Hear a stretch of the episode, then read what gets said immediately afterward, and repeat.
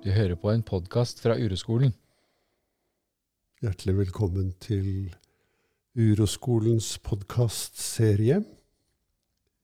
Dette er Kaspar Skeip som snakker, og sammen med meg i studio har jeg min meget gode venn Kristine Falk Petersen, som dere kjenner eh, fra før. Og i dag har vi bestemt oss for at vi skal snakke om noe veldig aktuelt som eh, har dukket opp i dagens løp, faktisk. Mm. Velkommen, Kristine. Takk. Det er hyggelig at du er her. altså. Ja. Ikke nok med det, jeg må nesten si også at jeg har hatt gleden av å snakke med Kristines søster i dag også. Så, eh, er det var også veldig hyggelig. Nå er det oss to. Um, det som skjedde uh, i dag, var at uh, jeg leste Jeg var på Facebook. Jeg er ikke noe ivrig Jeg er ikke en stor bruker av den typen medier, men jeg var på Facebook, og da er jeg venner med Kristine. Venn med. Og Kristine hadde skrevet et innlegg på Facebook som jeg likte veldig godt.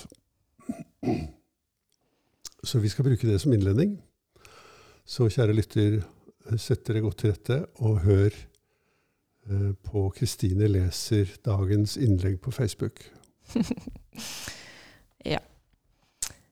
Noen fakta om industrielt landbruk som alle burde få med seg. Den type landbruk som visstnok er det gjeveste for alle land, det som skal brødfø en voksende befolkning på moder jord. Hovedessensen i industrielt landbruk er effektivitet. Størst mulig drift på færrest mulig menneskeressurser.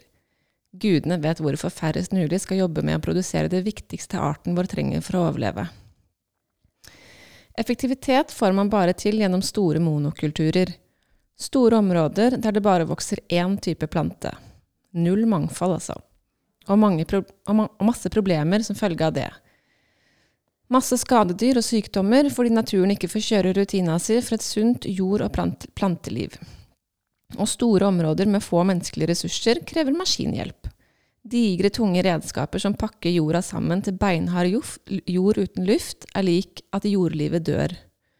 Samtidig som det går store mengder fossilt drivstoff. Det pløyes i stor skala. Jeg er usikker på hva man vil oppnå med det. Jeg antar at det er for å bli kvitt ugress, altså andre arter enn det man har sådd. Snu jorda, så syns det ikke. Tralala. Ja vel. Jeg er skikkelig åpen for opplæring i hva pløying er bra for. Det man dog vet, er at pløying er ekstremt ødeleggende for jordlivet. I jorda bor det millioner av små superviktige arbeidere, der hver og en har en spesifikk, uunnværlig jobb for å tilrettelegge for et samarbeid om næring med plantene som vokser over jorda. De bor i ulike lag eller sjikt i jorda, og soppen har lange tråder som er selve nettverket for kommunikasjon og transport nedi der. Pløying kjører dette i tusen knas. Og pløying sprer ugress ved å vende masse frø opp så de kan vokse, og da vokser det bare ugress. Et særdeles dårlig utgangspunkt for gode resultater på flere måter der, altså. Det sprøytes massivt med såkalte plantevernmidler.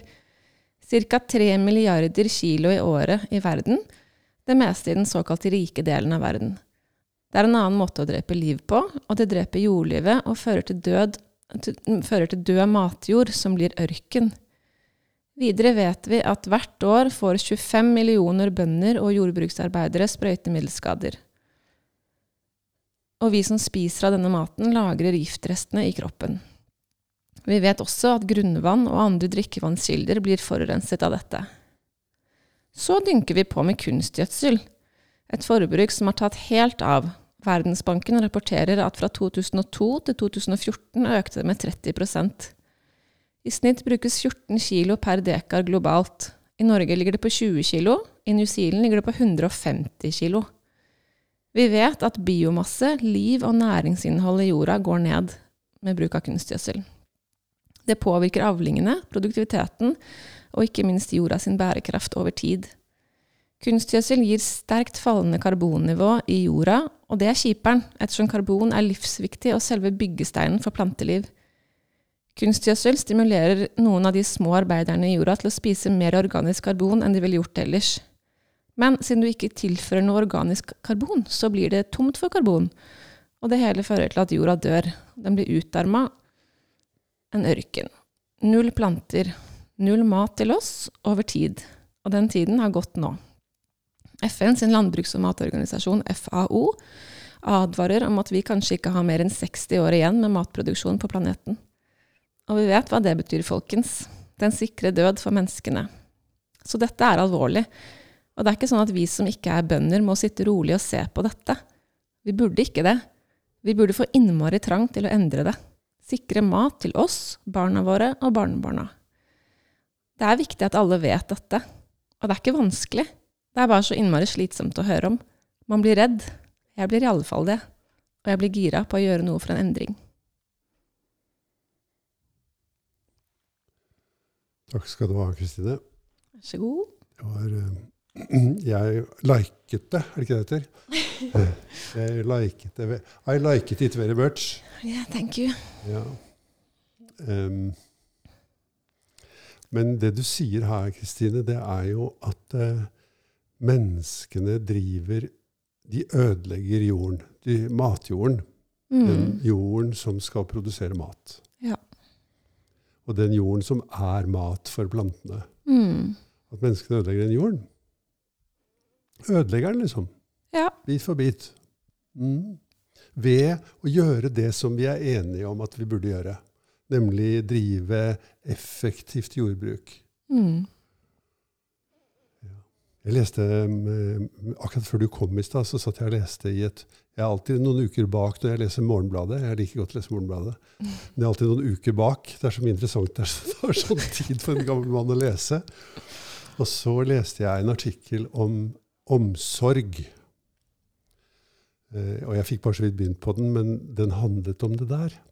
Den handlet jo om eldreomsorg og om helseomsorg, altså omsorgen i helsevesenet Mm.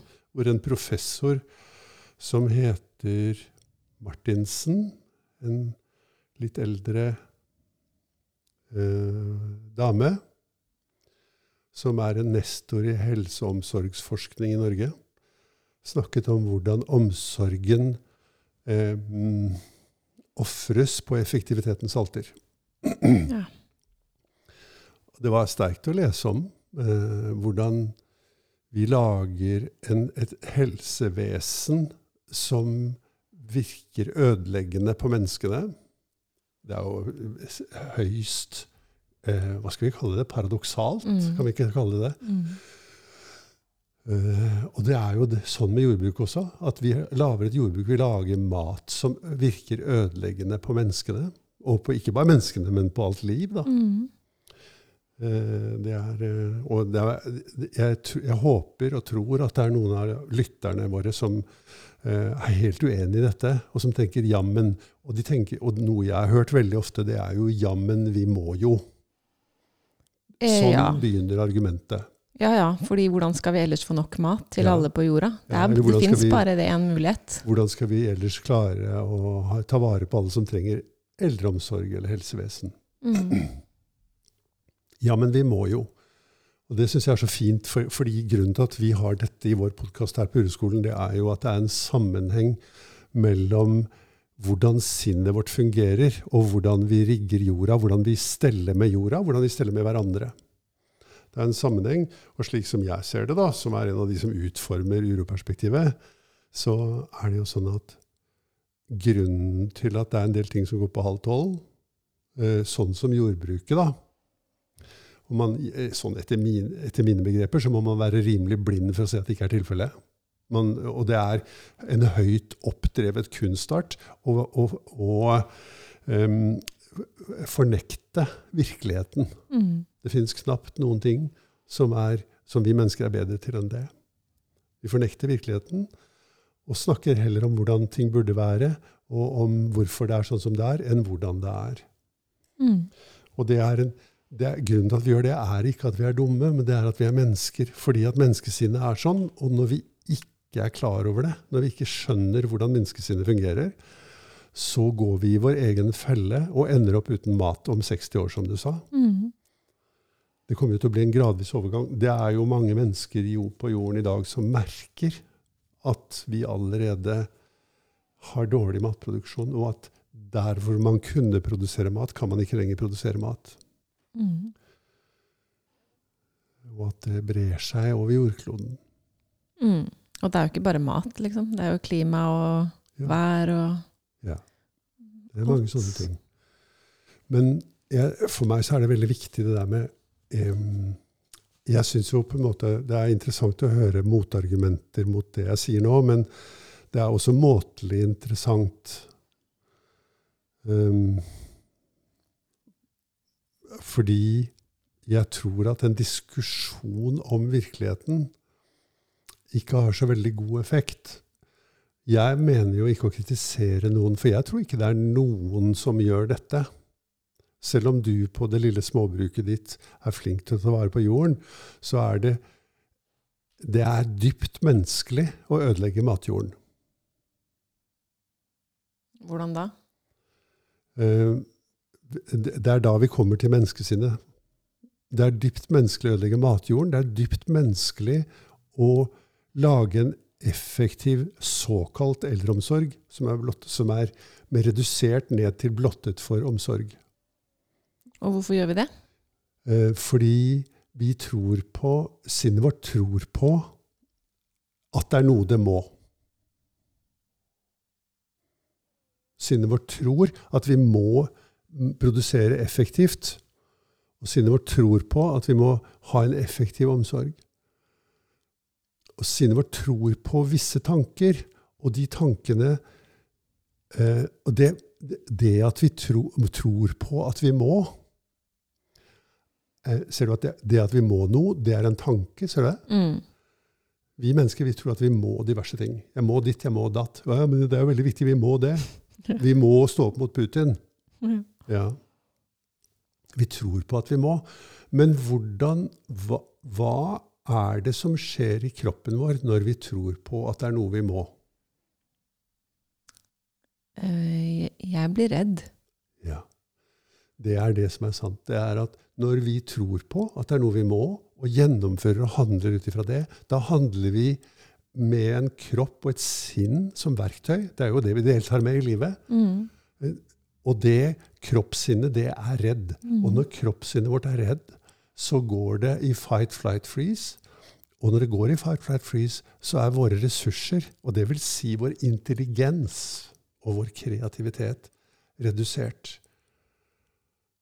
Og dette er jo, Det er derfor jeg vil snakke om dette, fordi at det er et hovedanliggende for Uroskolen å opplyse om at det at vi handler så mye i verden som vi gjør ut ifra frykt, det har dramatiske konsekvenser for vårt forhold til hverandre og for vårt forhold til jorden. Og det jordbruket vi ser, det er fryktstyrt. Og det eh, omsorgsbruket som vi ser, altså omsorgen innenfor eldre, eldreomsorg eller helseomsorg, er fryktstyrt. Og resultatet av det er en massiv medisinering av små barn mot uro. F.eks. Mm. fordi vi tror på at vi må. Mm. Fordi vi tror på at det ikke kan være som det er. Det, og dette er, er virkelig ligger meg nært da, å snakke om. Det er viktig for meg å snakke om det. at det er ikke sant at det er noen mennesker som er onde eller dårlige mennesker, som står bak den negative utviklingen i verden. Det er menneskesinnet. Saken er at du, Kristine, kunne vært Putin. Og jeg kunne vært Putin, jeg som sitter her. Eller Hitler. Den ideen om at det finnes noen mennesker som er dårlige, og de sitter ikke på denne siden av bordet, det er en meget dårlig idé, og meget dårlig begrunnet idé. Saken er at menneskene har mulighet for både det onde og det gode, både for det stupide og det intelligente. Og når vi handler ut ifra frykt, så vil vi handle stupid. Vi vil, vi vil opptre tåpelig i verden, gjerne selvdestruktivt. Ja, jeg kan jo skjønne det, fordi at når man er redd, så er det lett å følge saueflokken, liksom. Du gjør det noen andre har gjort, eller du følger noen etablerte ideer, da. Men noen lagde jo disse ideene også, om at det er sånn Dette var lurt. Sånn, dette gjør vi. Ja. Var de også redde? Eller sånn, hvordan Hvorfor, hvorfor, hvorfor havner man der i utgangspunktet? Men eh, jeg tror at det eh, altså, Vi kan jo ikke vite det helt sikkert, for hvordan oppstår ideer? Det er sånne spørsmål vi kommer borti da. Det vi ser hele tiden, det er at mennesker forsøker å skape trygghet for seg selv. F.eks. ved å produsere stadig mer av noe, eller ha stadig mer penger. Eller gjøre ting stadig mer effektivt. Og så kan vi si at ja, men det er noen som har funnet på at det skulle være sånn. Vis meg de som har funnet på det. Nei, det har sikkert bare blitt sånn da, av helt andre grunner, egentlig. Ja, jeg hevder jo at det har blitt sånn, og at det er en evolusjonær utvikling av menneskesinnet som har gjort det at menneskesinnet har utviklet seg slik gjennom 300 000 års evolusjon har menneskesinnet utviklet en massiv overvekt over snippen som gjør at vi har mistet kontakten med at vi er redde, og isteden handler ut ifra en frenetisk tenkning som prøver å skape trygghet. Og det handler ikke om enkeltindividet, men det handler om deg og meg. Det var faktisk det som brakte deg til meg, og det var det som brakte meg hit også, Ja. fordi jeg var så redd. ja. Ja. Og jeg, kan, jeg skjønner veldig godt det der med at uh, når du handler ut ifra et urolig sted, så, så kommer det ikke Det er ikke de beste ideene som kommer da, liksom. Altså sånn, Du handler på feil grunnlag, da, ikke sant? Ja. Jeg skjønner det. Og, du tenk, og den handlingen inkluderer jo tenkning. ikke sant? Du tenker også på feil grunnlag, for du tenker redde tanker. Ja. Ja. Det er, og det er ikke noe som du og jeg gjør, men det er noe som hører til menneskearten. At menneskearten er en art som er styrt av indre uro. Og den indre uroen er jo ikke sett i vårt samfunn, annet enn som et problem for noen spesielle mennesker som har ADHD eller en eller annen psykiatrisk diagnose. Mm. Mens det jeg sitter og påstår, det er at det at vi er redde, det gjelder samtlige mennesker. Det gjelder de som, og det gjelder aller mest de som sitter på toppen og har mest ansvar. Og som har det mest travelt, og som bruker den travelheten som et verktøy eller en strategi for å slippe å møte all den uroen de føler inni seg. Mm. Og det er ingen som oppdager det, for de er så flinke til å snakke for seg. Mm. De ser så flotte ut der de løper rundt i dressene sine. Ja, det, det tror jeg er veldig riktig. Og når man ser det, så er det er jo ikke vanskelig å se at våre toppfolk innenfor politikk, næringsliv og administrasjon er redde mennesker. Det er, bare, det er bare å se på Stoltenberg når han står fra en FN-bygning og snakker om nødvendigheten av å, av å holde Putin i sjakk. Så ser man hva et redd menneske er. Mm. Men han, han snakker ikke et ord om det. Nei. Han snakker om hvor viktig det er å stå imot. Selv om hundretusener dør. Mm. Den beslutningen kommer fra et redd sted. Og jeg tror at alternativet til det, det som er nødvendig for menneskene, det er å innse den enorme frykten vi går rundt og bærer på, og som får oss til å ødelegge jordkloden, enten med krig eller med et sykt landbruk som piner dyr og ødelegger jord, Mm. eller får oss til å drive med helse, helse og omsorg på en måte som er kontraproduktiv, Mm. skaper lidelse. Mm. Ja, ja. Og det kommer fra det redde menneskesinnet. Og hvis ikke vi oppdager det redde menneskesinnet og lærer oss å håndtere den frykten på en mer konstruktiv måte, så kommer det til å bli veldig veldig vanskelig å være menneske. Og selvfølgelig mange andre arter også. De skjønner bare ikke at det er det som foregår. Vi er jo den eneste arten som kan skjønne at det foregår. ja. Du har jo hester, ikke sant? Men vi er jo også den eneste arten som ødelegger. Ja, ja. Nei, det er ikke sant. Er vi ikke? Nei, altså. eh, Har du noen gang sett hvordan en mink opptrer på et fuglefjell? Ja, ja. Jeg mener sånn, Det er jo naturlig for minken, da. Men vi handler jo helt i strid med vår egen natur, da. Da syns jeg du er inne på noe veldig essensielt. da. Den handler på en måte som er helt naturlig for minken. Vi mennesker handler på en måte som er helt naturlig for oss. Da gjør vi det. Ja. Vi handler på en måte som, altså Det er det som er min påstand. da.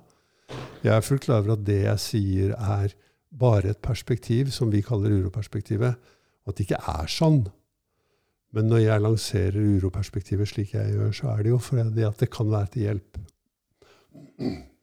Og jeg vil påstå at mennesket er natur like mye som en mink, og at vi handler ut ifra våre forutsetninger, altså vår natur. Og at våre forutsetninger er å bli stadig mer styrt av tenkning for å komme bort fra uro. Og før så var det jo Vi levde jo på en måte mye nærmere uroen fordi det var mye farligere å være menneske. Mm. Men nå er uh, du og jeg Vi lever nesten ikke i fare i det hele tatt. Men når du snakker om naturlig, liksom, hva, hva går du ut ifra da? Ja, jeg går ut fra... Var det som er normalt, liksom? Nei. Nei? nei. Altså uh, uh, Hva annet enn virkeligheten er naturen? Ja, jeg er enig i det. Jeg, jeg skjønner det. Ja, jeg tror at Det der er en veldig gammel tradisjon som skiller, sant, som skiller mennesker fra naturen. Da. Mm. Og det er også en tanke. Og en annen tanke kan være at ja, men det er jo bare et skille vi har satt opp, på samme måte som vi har satt opp skille mellom kropp og sinn, eller psykosoma. Det er menneskesinnets, det er en av menneskesinnets mange greier, det er å lage den typen skiller, som er fiktive skiller, for å prøve å lage orden i et, vel, en veldig vanskelig, oversiktlig virkelighet. Mm. Og Da lager vi sånne skiller. Og vi sier ja, men mennesket er ikke natur. Alt det andre er natur, og vi må temme naturen. Men mennesket er natur, og menneskets utvikling er natur. Det er en akkurat like holdbar og like sann påstand. Det er bare at den er uvanlig, men det er ikke veldig uvanlig. I andre kulturer så vil man i mye større grad se på det sånn. Hvis ikke vi blir kjent med menneskesinnets natur, så ender menneskesinnet opp som et offer for seg selv. For en krigføring mot seg selv. Mm. Og vi er på god vei til det nå. Og jeg synes, altså Når du sier at det er alvorlig, så er jeg ikke Jeg er jo alvorlig når jeg snakker om det, men vi kunne like godt le av det. Fordi det er en vits, liksom? Ja, fordi det er jo Lattelig. dødskomisk Ja. Se menneskene som strever rundt sånn som vi gjør, eh, og så ødelegger vi. Mm. I det, vi ødelegger verden med de aller beste intensjoner. Vi sitter og sager ned den greina vi sitter Ja, ja. på, liksom. Men eh, tror du Hitler hadde gode intensjoner da, med det han gjorde? Ja, jeg tror jo det. Ja, Jeg skjønner det. Da er vi enige, da. Jeg tror også det. det du kan ikke ta folk på deres intensjoner, liksom. Nei. Og jeg tror ikke det er noe vits i å prøve å ta folk engang. Vi sitter i samme båt. Vi sitter alle på den greina som Ja. vi snakker på. Ja, vi gjør det. Ja, og eh, vi må se i øynene at ja, men det er noe med oss som hvis ikke vi våkner opp nå, så står vi eh, Så stiger vannet opp på et nivå hvor det blir veldig vanskelig å være oss. Men hvordan skal vi våkne? Ja, Det er derfor vi lager podkast. Og det er derfor vi lager uroskole. Det er jo for å si til menneskene og til å utforske hva er det egentlig menneskesinnet gjør. For menneskesinnet, det er, en, det er jo et område som vi for ikke har begynt å snakke om ennå, du og jeg, og det er skole og utdanning. Hvordan er det vi lager skolen i dag? Eh, det, fungerer det bra å sette barn under press og få barn til å legge planer for hvor, hva de skal bli når de, store, når de går på småskolen? Fungerer det bra? Eh, nei, jeg kan jo bekrefte det, for jeg har en, eh, et barn som ikke har trivdes med det. Nei. Jeg kan bekrefte det. Og jeg gikk på skolen for jeg vet ikke hvor mange år siden. Det, er jo sånn type 60 år siden, liksom. Mm. Men jeg trivdes heller ikke med det. Det var mye mindre av det da. Mm. Men det var like fullt et press, og det presset det oppsto inni meg. Og jeg trodde jo alle år at det presset jeg følte overfor skole og utdanning, var, var fordi at det var noe gærent med meg. Mm. Og det er først det jeg har skjønt at nei, det var ikke det. For det er rigget fordi menneskesinnet tror at det må. Ja. Det er veldig få ting vi mennesker gjør ut ifra en dyp indre, eh, fra en indre ro om at jeg kan være i virkeligheten sånn som virkeligheten er, og jeg kan opptre adekvat i den, avslappet, vennlig overfor virkeligheten. da. ja. Istedenfor at jeg må gjøre ditt og datt. Men det er fint å ha uroskole og, og sånne ting. Det er jo kjempefint for den menigheten som har, har liksom våkna litt. Ja, Eller sånn er i oppvåkning, eller altså et eller annet som ja. er interessert. Men de fleste er jo ikke det. Nei. Men eh, de fleste er jo ikke det fordi de ikke har hørt om det. Og så jeg tror kanskje at de, de fleste er ikke interessert i det fordi frykten ennå er til å håndtere. Ja, det er ikke ille nok. Nei, det er ikke ille nok. Fordi det som er min erfaring, er jo at folk kom, har kommet til meg gjennom de siste 25 årene når frykten har blitt stor nok, og jeg erfarer jo det hver dag, at det er det som motiverer folk. Og det kommer til å motivere menneskeheten også. Og menneskeheten overlever eller ikke, det er på en måte, for meg så er det en helt sånn det er helt unødvendig problemstilling. Vi har ikke noe med det. Det vi har noe med, er å gjøre det beste ut av mens vi er her. Sånn ser jeg på det. Og at eh, vi prøver virkelig å opplyse oss selv for å forstå oss selv, istedenfor å løpe rundt og fortelle alle andre hva de må. Og, og, snakke om vi og de. At det er de folkene der det er noe gærent men Det er de som gjør det. Det er de landbruksfolka eller de landbruksindustrifolka som ødelegger jorda, mens vi ikke gjør det. Dette er ikke et individuelt problem, på samme måte som f.eks. klimaendringene ikke er et individuelt problem. Det er ingenting du kan gjøre med klimaendringene. Men altså, hvis alle bare sitter på rumpa og ikke gjør noe, bare venter til det blir ille nok så alle bare roper 'hjelp', ja. Men vi gjør jo ikke det, du og jeg nå. da. Vi sitter her og prøver å formidle uh, det grundigste vi kan om noe som vi, på, som vi, virkelig brenner for. Både du og jeg. Så vi sitter ikke bare på rumpa og ikke gjør noe. Jeg vet godt at du dyrker økologisk, og du dyrker fantastisk mat på det lille småbruket ditt. Og til og med jeg dyrker fantastisk mat i min lille hage. Uh, så, og det er veldig mange mennesker som gjør noen ting. Men det at menneskeheten eh, overutnytter jordkloden og dens ressurser, og behandler hverandre dårlig, det er ikke et individuelt problem. Det er et artsproblem, og vi må se det i et artsperspektiv, og ikke et individuelt perspektiv. Fordi at selv om hele Norges befolkning begynner å oppføre seg ansvarlig, så eh, det, det kommer nesten ikke til å virke Det virker bare med noen få promille på de problemene vi står overfor. Vi må virkelig jobbe med eh, hvordan skal vi opplyse menneskeheten om seg selv. Så, og jeg har jo et enkelt svar på det også, jeg. Hva er det, da? Ja, det er to ting. Det er å lære mennesket å føle igjen. Og det handler jo først om å føle vonde følelser. Fordi at bakgrunnen for det eh, at vi er blitt så hodestyrte, er at vi prøver å komme bort fra den smerten vi har inni oss. Og det å kunne føle smerte, og kunne håndtere de følelsene på en konstruktiv måte, det er noe som vi har forutsetninger for, men som ikke skjer automatisk. Det automatiske i mennesket er at vi prøver å komme bort fra vonde følelser. Mm. Det viljestyrte er at, vi, er at vi møter vonde følelser. Mm. Og det er veldig krevende, men det går an å lære. Du har lært av meg, du. Ja, men hvordan skal man få folk til å ville det, hvis ikke de vil det selv? Så hva, var det som fikk deg til å ville det, da? Ja, jeg ble. Det, omstendighetene skjer, liksom, og ja. du får det vondt. Ja. Men, men, som du sa i stad, liksom, de aller fleste løper jo rundt i den kapitalismen med øynene godt uh, igjen og bare løper fortere og fortere, fortere. De er jo ikke i nærheten, liksom. Ja. Og en, og en, liten andel løper også rundt og kaller seg Greta Thunbergs fanklubb og roper 'noen må gjøre noe'. Har ja, ja. Jeg, jeg, nei, jeg er enig at det ikke hjelper, men hvordan skal man få vekka liksom, Hvordan skal man få de til å bli interessert? Men det er, det, er ikke, det er, ikke, vi som skal få de til å bli interessert. Det er vi som trenger å bli interessert og vekket opp. Det er deg og meg og alle andre mennesker som trenger å bli vekket opp. Og da må vi snakke sammen om dette på måter som ikke, er, som ikke, anklager noen for å være dårlige mennesker. Og det er jo det som skjer i dag. At det er, det er stadige motsetninger. Det er de folka der. Nå har jeg hørt akkurat Martin Kolberg som snakket om eh, krisen i Arbeiderpartiet, og som sier at det er veldig viktig at vi reetablerer aksen i norsk politikk. Og den aksen er liksom mellom høyre- og venstresiden. Og det er bare eh, snakk om å være konvensjonell og konservativ i tenkningen at det er der problemstillingen er i dag. Mm. Det er håpløst akterutseilt.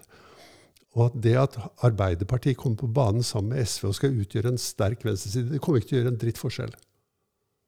Det er ikke noe forskjell på Høyre og Arbeiderpartiet når det gjelder dette, og det er ikke noe høyre, forskjell på SV og Fremskrittspartiet heller når det gjelder dette her. Fordi de menneskene som jobber innenfor partiapparatet og innenfor politikken, ikke skjønner hvilke krefter som virker der. Og, hvis, og, og, jeg kan jo ikke påstå at jeg skjønner det. Det jeg kan påstå, er at jeg har en måte å snakke om det på, en måte å forstå det på, som er annerledes enn den tåpelige, konvensjonelle, kjedelige høyre-venstre-aksen som vi har levd med nå. Som jeg har levd med i hele mitt liv, og som har brakt oss akkurat dit vi er i dag.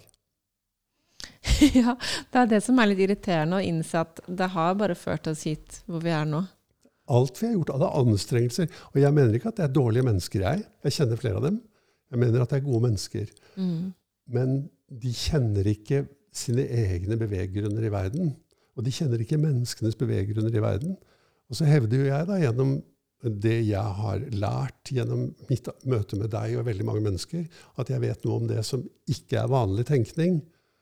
Og at det som trengs nå, er uvanlig tenkning og ikke vanlig tenkning. Ikke konvensjonell tenkning om hvordan ting henger sammen. Nei. Og det kan jeg være helt enig i. Og, er, og, pløying av jorden er jo et veldig godt eksempel på det. Jeg har vokst opp i en tid hvor pløying av jorden var helt nødvendig. hos Og jeg har vokst opp i en hage i Asker hvor spavending av jorden var en nødvendig ting hver høst. Mm. Og det var et veldig tungt arbeid, men jeg fikk veldig vondt i ryggen av det. For det ble gjort med spade. Mm. Eller greip. Eh, sånn at gjennom lang, lang tid har vi trodd på at vi må pløye. Og det skjer over hele jorden. Mm. Nesten. Ja, og så kommer du og sier at ja, men eh, pløying det har kanskje ikke så mye for seg. Det er ikke sånn permakulturtenkningen er, mm. og erfaringen er pløying av jorden er skadelig. Mm. Uh, men det er jo, vi sitter fast i en tenkning som vi ikke stiller spørsmål ved. Vi bare fortsetter å gjøre det samme. Bygger stadig mer effektive ploger. Mm. Og jeg, jeg, jeg, kjenner meg veldig igjen i den derre 'vi tror vi må noen ting'. Ja. Og, og, veldig mange jeg snakker med om disse tingene, er jo også sånn 'Nei, men det, sånn er det bare'. Ja. Liksom, det er ikke noen annen måte å gjøre det på. Ja. Så det der kjenner jeg meg veldig igjen i for, for mm. egen del også på andre områder i livet. Liksom, at, um, mm. at, hvis noen tar bort den måten mm. alle gjør det på, så blir man jo helt sånn 'Hæ? Hva skal vi gjøre nå, da?' Ja. ja ikke sant. Da, hva kommer vi i kontakt med da? Frykt. Ja, vi kommer i kontakt med det. En følelse av at vi ikke vet. Mm. Hjelpeløshet, usikkerhet. Og, og her, altså på uroskolen, da, så er det det som er, sier vi, det er det som er nødvendig. Da er du på rett vei. Når du er i kontakt med hjelp, når du stopper den avsindige løsningsorienteringen som vrir sinnet ditt, mm.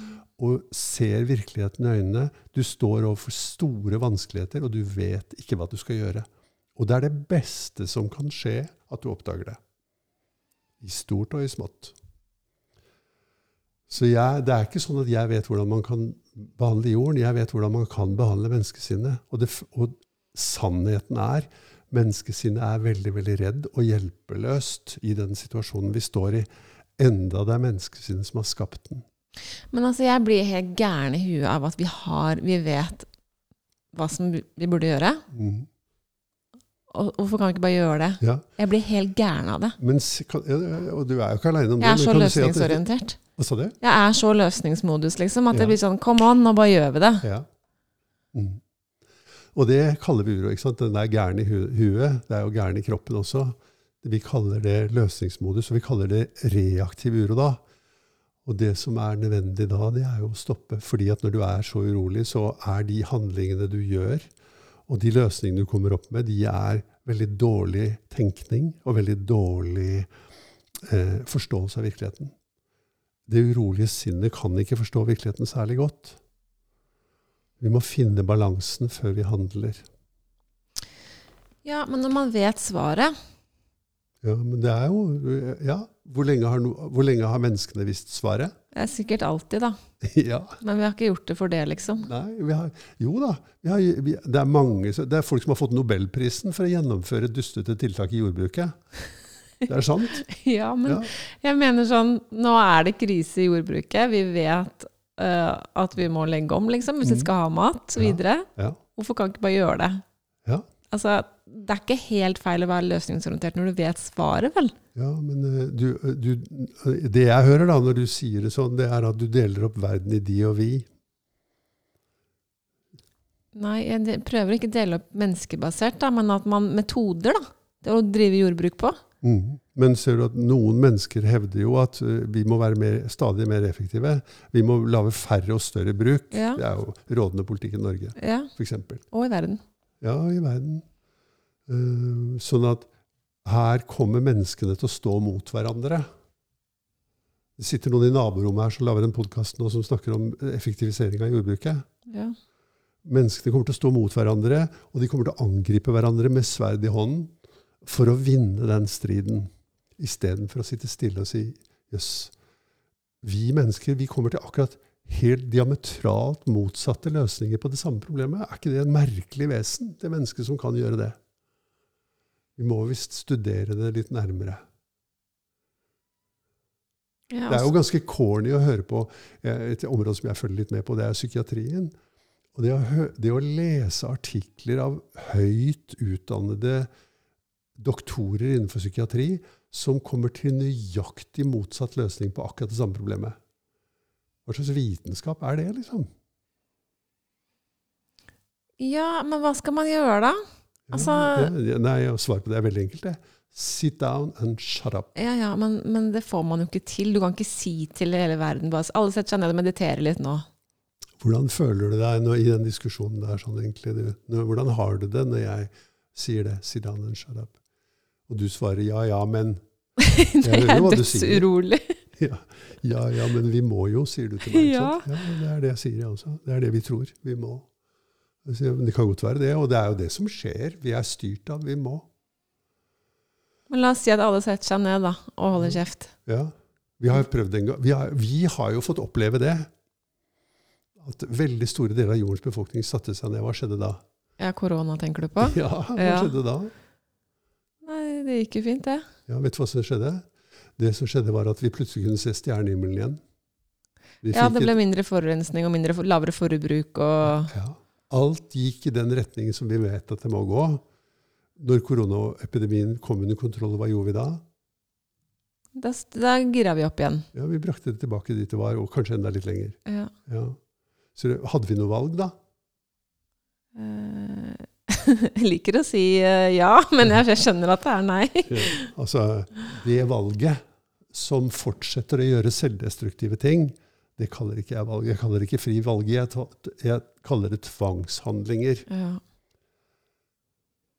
Jeg kaller det tva, et tvangsstyrt sinn. Da. Og det er ingen mennesker som gjør det mot andre.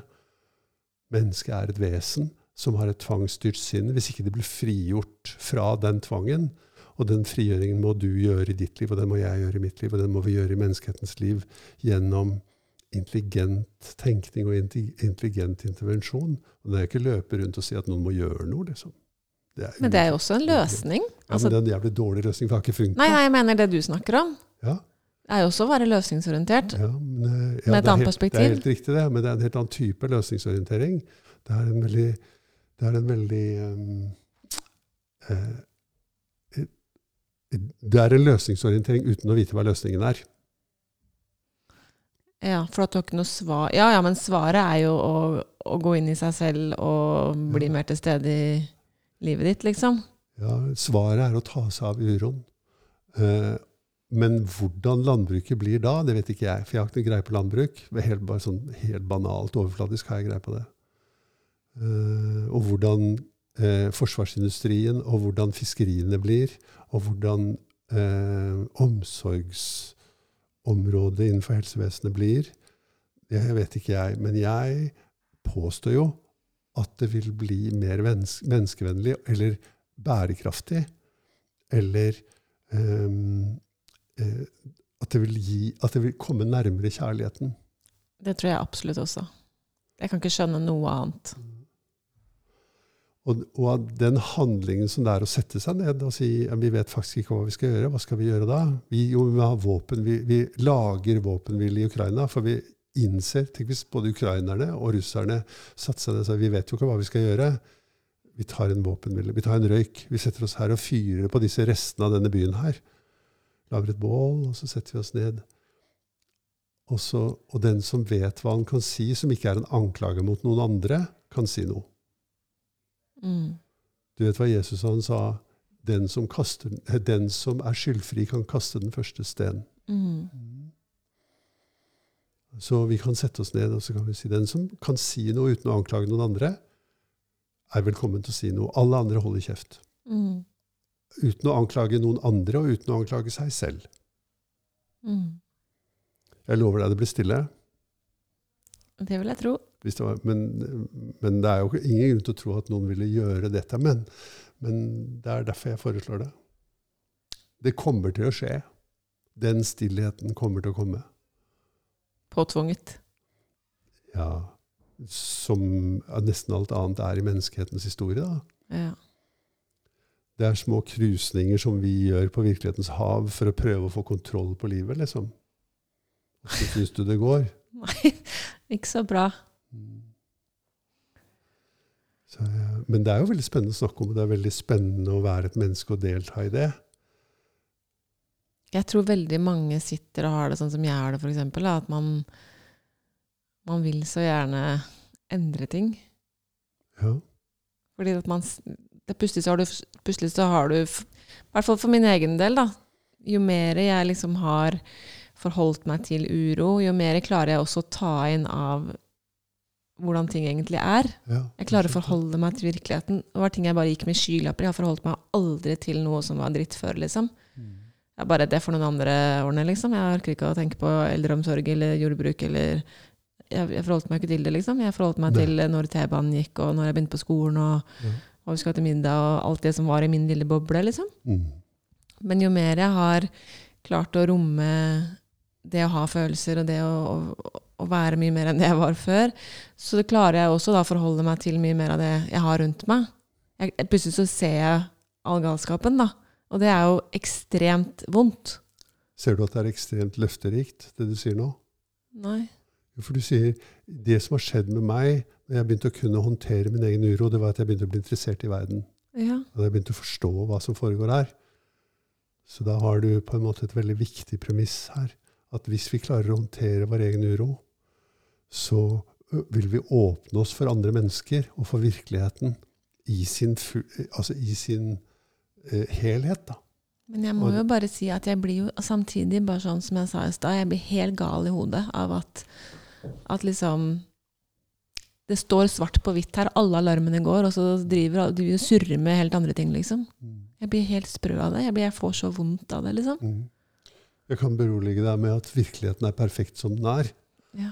Det er sikkert veldig beroligende for deg å høre. Men, ja, det er en veldig provoserende ting, men akkurat. du ser at virkeligheten er sånn som den er, helt uavhengig av hvor gal du blir i hodet. Det er også bare en del av virkeligheten at det finnes veldig mange mennesker som går ut og er gale i hodet for at virkeligheten er som den er. Det har ingen god effekt i verden i det hele tatt. Og, vi må, og, og den, det at vi blir så gale i hodet, det kommer jo fra at vi blir så urolige. Mm. Og at vi må se på det istedenfor å si ja, men noen må gjøre noe. For det er ikke til å holde ut at det er som det er. For det er det som er situasjonen i dag. Så det beste man kan gjøre, er å oppfordre flere til å titte på seg selv og, Ja. og lære seg å håndtere uro. ja. Istedenfor å si til folk at det er en synd å kjøre bil. eller noe sånt. Det Mm. vil ikke spille noen rolle i verden om jeg slutter å kjøre bil.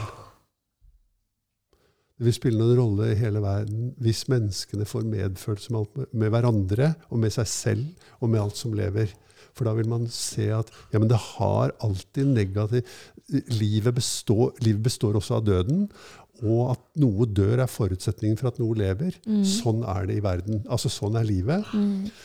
Og det må man gjøre med den største omhu og respekt og kjærlighet overfor alt som lever. Istedenfor å tro at det er noe som er mer, mer verdifullt enn noe annet. Menneskeheten er en art som tror at noe er mer verdifullt enn noe annet. Ja. Og, vet du hva, og hva er det som er aller mest verdifullt? Vet ikke. Penger. Ja, penger, ja. Gull.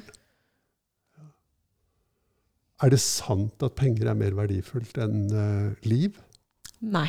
Nei, det er, og ingen vil være enig i det når vi sier det, men du ser at hele tiden taper naturen og mangfoldet for penger. Absolutt hele tiden. Mm. Jammen, jammen, jammen, jammen. Du hører det? Hører du det? Bakgrunnen? Jammen, Ja. jammen, jammen. jammen. Mm.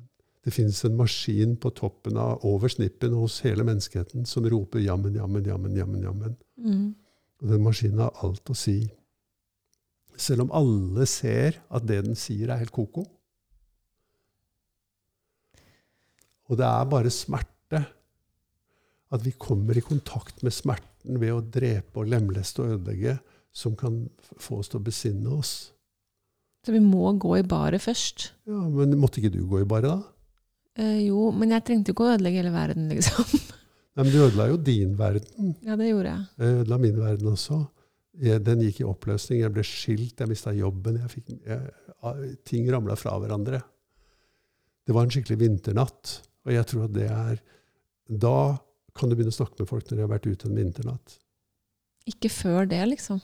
Hvordan syns du det ser ut? Nei, det er det.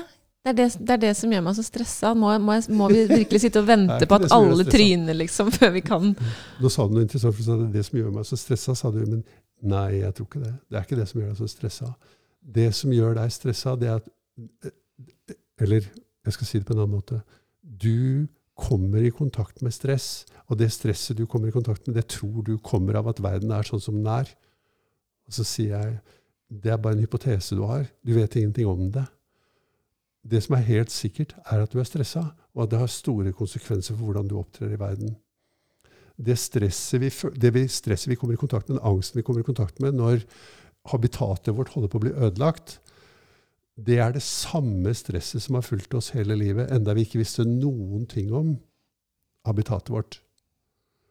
Stresset er grunnleggende menneskelig, og det heter uro. Og så bare knytter vi det til det som rører seg der og da, liksom. Ja, vi fester det på det. Det er slik menneskesinnet fungerer. At det, sier, å, at det gjør vondt her, det må være en grunn til det et sted. Ja. Og hvis jeg finner den grunnen, så kan jeg gjøre noe med det. Og så løper vi rundt da med Det er det jeg mener med løsningsorientering. Og Det er derfor vi kaller barn ADHD. Liksom, vi gir dem et navn og en diagnose som er en, noe som er feil, for da kan vi gjøre noe med det. ja. Og så er vi mye mer opptatt av å gjøre noe med det enn å se på ja, men hva skjer da hvis hele befolkningen skal gå på eh, amfetaminpreparater i barndommen. ja. Ja, men det er ikke hele befolkningen, det er bare de som er gale, sier vi. ikke sant? Nei, ja. Man blir litt skrullete, altså. Ja. Den uroen vi kjenner i verden, hører til det å være menneskelig. Den Ja. kom ikke inn i verden med habitatets ødeleggelse. Det der var et veldig godt eh, Det der likte jeg veldig godt. Ja. Fordi jeg kjenner jo igjen det. Det er jo det samme stresset. Når du sier det, så er det jo det samme stresset jeg hadde for ti år siden. Ja. Kjennes helt likt ut. ja.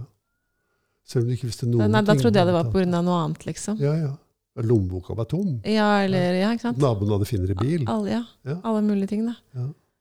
Det er bare det at det, det man har fokus på, så, så hekter du det på det, liksom. Ja. Men det er nesten ingen mennesker som skjønner det vi snakker om nå. Jeg skjønner det jo ikke fordi jeg er så veldig smart, jeg skjønner det fordi jeg har gått gjennom det.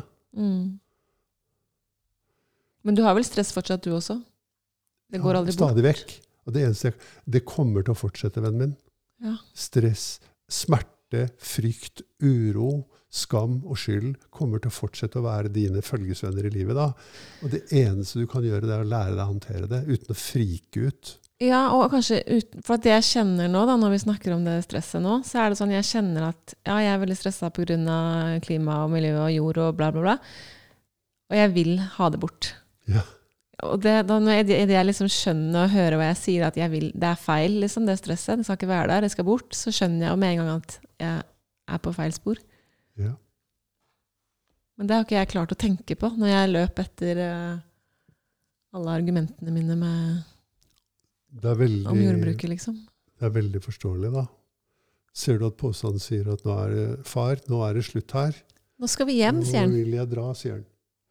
Ikke sant, Pås?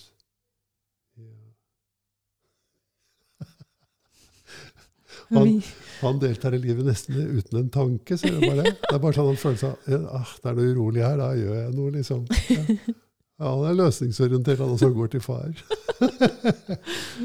Boss. Ja. Ja, men du Kristine, det var morsomt å snakke med deg om dette her sånn. Ja. Nå har jeg vondt i brystet. Har du vondt i brystet? Mm. Jeg må puste litt. Vil du ha vondt i brystet, da? Eh, ja, Så fint. Vil du, kan du være, vet du hva du skal gjøre med det? jeg skal la det være der. Du skal være sammen med det. La det være der og si til det du skal få være hos meg. Mm. Jeg skal gjøre alt jeg kan for å være sammen med deg uten å prøve å forandre på deg. Du kommer til å være hos meg hele livet. Jeg skal øve meg på å la deg få den plassen du trenger. Mm. Det blir bra Vi kan like å godt begynne nå. Selv Ja. om en gang jeg sa det, så gikk påstanden la seg. Han bare ok. Ja, ok, da tar jeg det. God helg. Tusen takk for i dag. God helg. Vi snakkes. Det gjør vi.